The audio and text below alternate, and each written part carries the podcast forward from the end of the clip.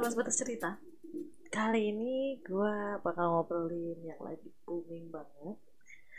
eh yang berkaitan sama aplikasi streaming atau apa ya yang suka dipakai pakai content creator banget itu YouTube iya ya kan yang beda lagi YouTube itu lebih dari TV ya jadi kita Boom.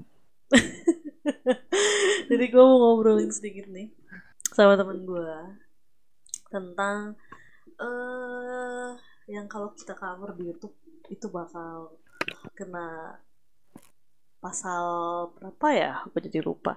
Ada hukumannya gitu. Jadi kita bakal kena denda 500 juta gitu. Wow. Mm-mm, sama diancam di penjara 5 tahun. So, enjoy this podcast. BTW, by the way, anyway, Baswe, seperti biasa, gue lupa gue mengenalin temen gue sendiri. Tapi udah gak asing kayaknya kaliannya. Lama-lama nih gue bikin podcast berdua nih lama-lama. Keseringan Jadi belum. kita akan reguler. Lama-lama ini jadi member reguler gue nih gitu lama-lama. jadi ada temen gue. Kalau kalian ikutin podcast gue pasti tahu namanya siapa Bak Bak Siapa Bak? Halo, gue Bakti Bek. Bakti Bek.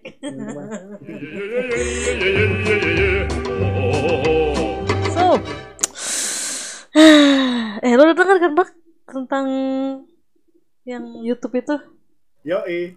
Nah. Eh, cover YouTube kena cover YouTube, cover lagu Anjay. Terus live streaming. Nah, udah. double ya? Eh bukan double lagi, triple. Eh, tapi lu udah baca belum sih ininya? Eh, peraturannya atau apa namanya? Pasal-pasalnya. Udah, gue udah baca sih. Ada seminar nasional yang digelar sama Asosiasi Bela Hak Cipta di Hotel Aston Jakarta Selatan hari Jumat tanggal 28 Agustus. Nah, di situ itu ada pembicaranya namanya Dr. Edi. Nah, dia tuh mengupas tentang membah- membahas tentang pelanggaran cover lagu yang dilakukan youtuber di Indonesia atau di luar negeri. Dari Oh, situ. berarti berarti keseluruhan dong. Iya, oh, sebenarnya. lagu, lagu Indo, lagu luar sama aja. ya? Mm-mm, sebenarnya seperti itu. Oke. Nah, terus ada juga nih pasalnya yang disebutin dari Dr. Edi ini.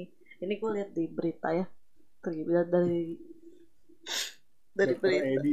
Kayak, kayak namanya kayak udah dokter tapi Edi. iya. Nama panjangnya tau gak apa? Nama panjangnya Apa? Dr. Edi Ribut. Serius Edi ribut namanya. iya, Dr. Edi Ribut Harwanto. Kalau udah pengen suka ribut lu emang lu. Itu banget. iya. Jadi nih ada nih pasal yang kata dia eh ini nih, nih pasal 113 UU nomor 28 tahun 2014 itu mengatur sanksi pidana bagi pengcover lagu tanpa izin atau alias kalau yang teman-teman suka denger itu adalah tentang copyright kayak di YouTube gitu. Kayak gitu bak sebenarnya awal mulanya. Kayaknya sebenarnya cover mah nggak apa-apa, cuman jangan di ini kali ya apa jangan di moneta- monetize gitu kali ya. Iya, mungkin Terus maksudnya itu. jangan jangan di-upload ke Spotify kalau nggak ke apa namanya platform-platform yang meng- menghasilkan uang untuk si yang cover itu gitu nggak sih? Iya bener bener banget ya. Jadi ada satu ada beberapa musisi yang komentar gitu ya. Salah satunya adalah ini siapa pianis ya Chris Patti itu siapa Badai ya. Iya badai. Nah dia itu komentar. Jadi sebenarnya si gugatan ini itu dinaikin gara-gara buat hal yang kayak tadi lu bilang bang menjadikan lagu orang di cover sama orang itu dijadiin duit di YouTube buat AdSense seperti itu.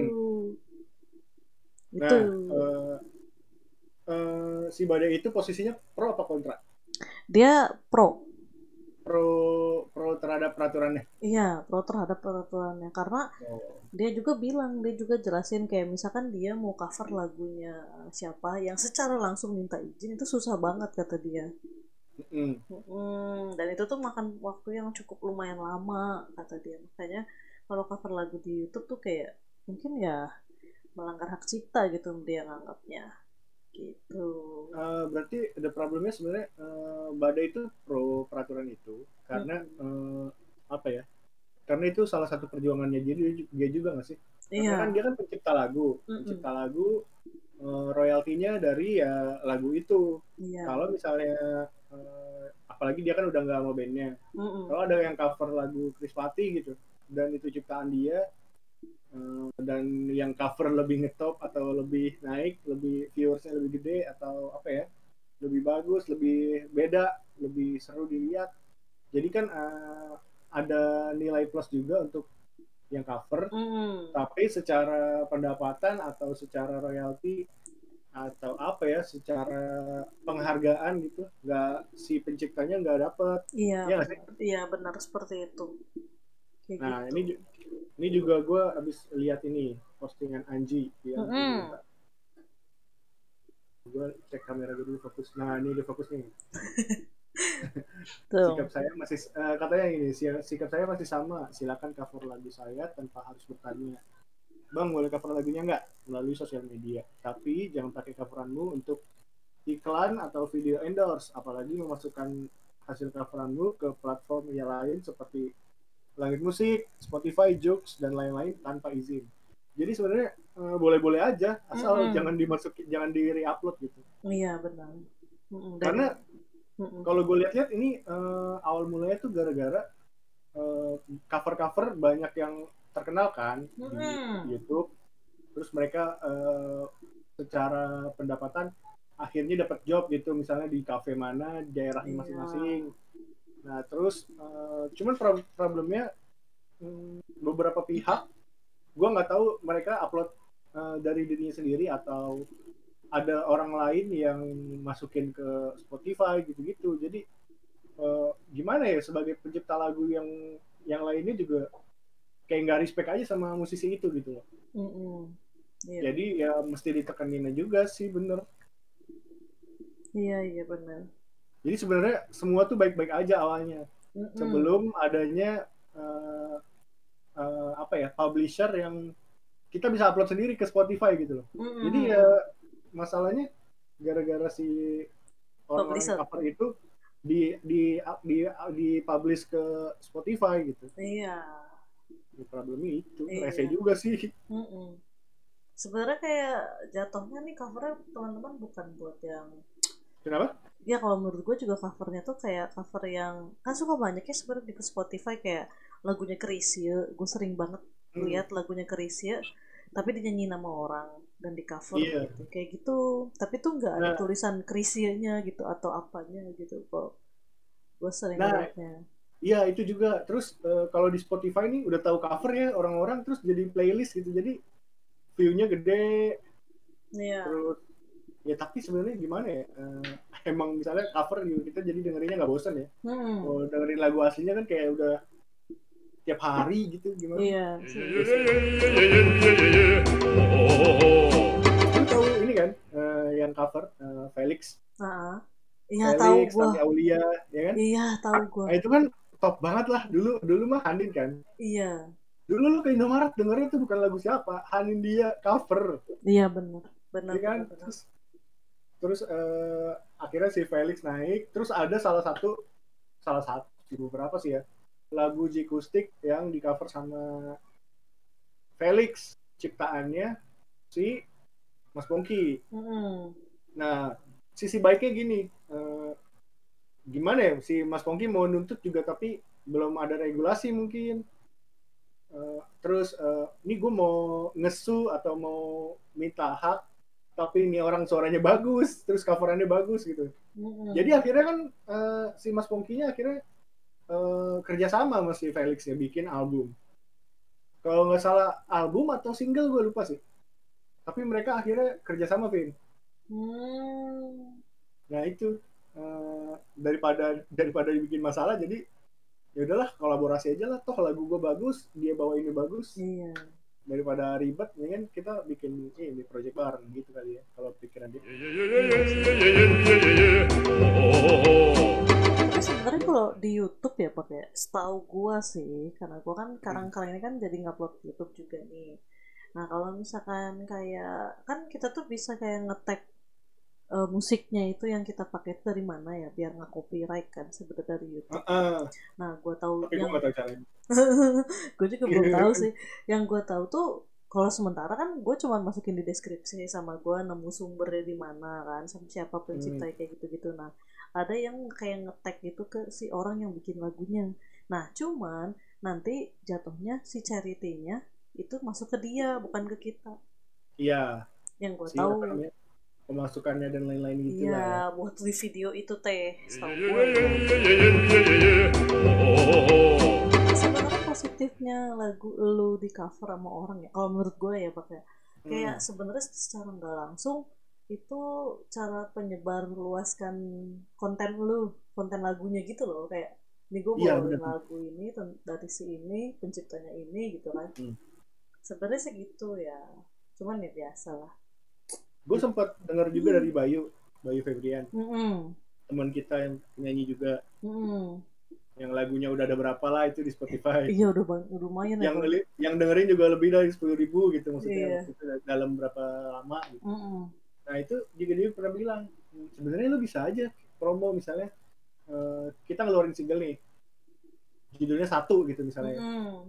Eh, terus eh, kita bikin kontesnya sebelum lagu itu terkenal kita bikin lombanya gitu jadi ke kita eh, propose ke beberapa musisi cover terus Mhm. eh, bilang kalau misalnya tolong cover lagu ini dong gitu jadi yang punya lagunya bayar untuk ke orangnya eh ke orang lain untuk cover lagu dia biar lagu dia tuh dikenal juga sama yang lain gitu Oh. biar didengarin lagu aslinya ada juga sistem kayak gitu sebenarnya Oh gitu.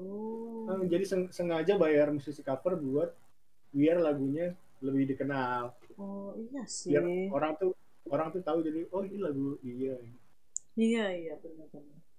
Ya juga ya. Gue baru sadar. Tapi Hmm, susah juga nggak sih pak kayak 50 pro 50 kontra gitu.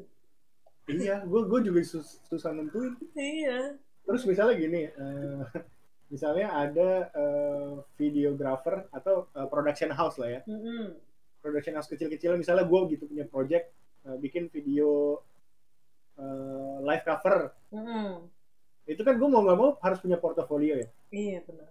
Nah, itu kan pasti mau nggak mau pakai lagu orang, eh, ada band suruh nyanyi, terus gue yang produksi videonya, Iya. gue contoh, gua contoh ke band-band lain, kalau gue bisa loh bikin eh, video kayak gini. Iya nggak sih? Iya sih. Nah, terus misalnya eh, ada kafe, Mm. Kafenya punya Instagram, Mm-mm. terus eh, dia mau promo dong di di Instagramnya kalau eh kita ada live musik loh, eh, teman-teman bisa datang hari Sabtu jam segini gitu. Terus dia profile bandnya ditampilin dong. Mm-mm. Set bandnya ini contoh nyanyinya satu dua lagu pasti ada dong. Iya. Nah itu juga eh, apa namanya buat materi. Apakah itu kena kita nggak tahu. Iya juga ya. Ada. Jadinya nyebar ke mana-mana ya. Iyalah.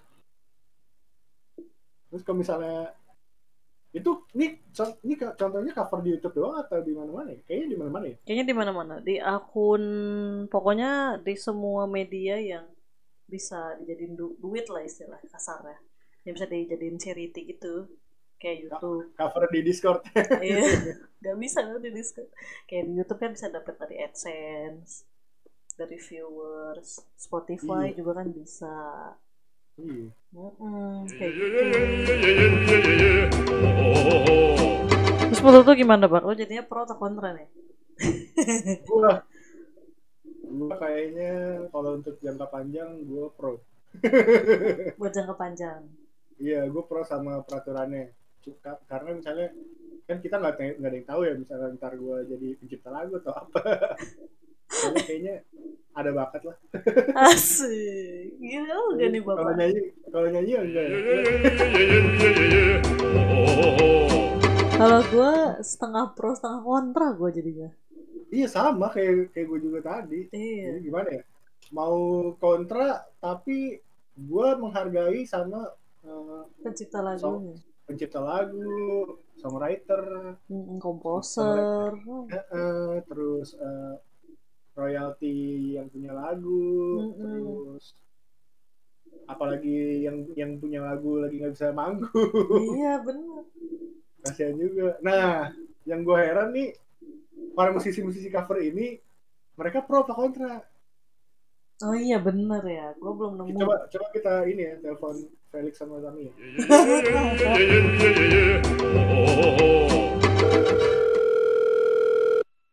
halo Ah, halo Mas Felix Iya, Mas jadi eh, saya eh, ini saya eh, dari sebatas cerita Baidel, jadi saya mau bertanya nih kita mau diskusi sebentar aja mungkin ada waktunya Mas Felix. Eh, ada cuma kan karena sebatas doang jadi sebatasnya sebatas apa nih? Sebatas cerita doang, kita basa-basi bentar doang.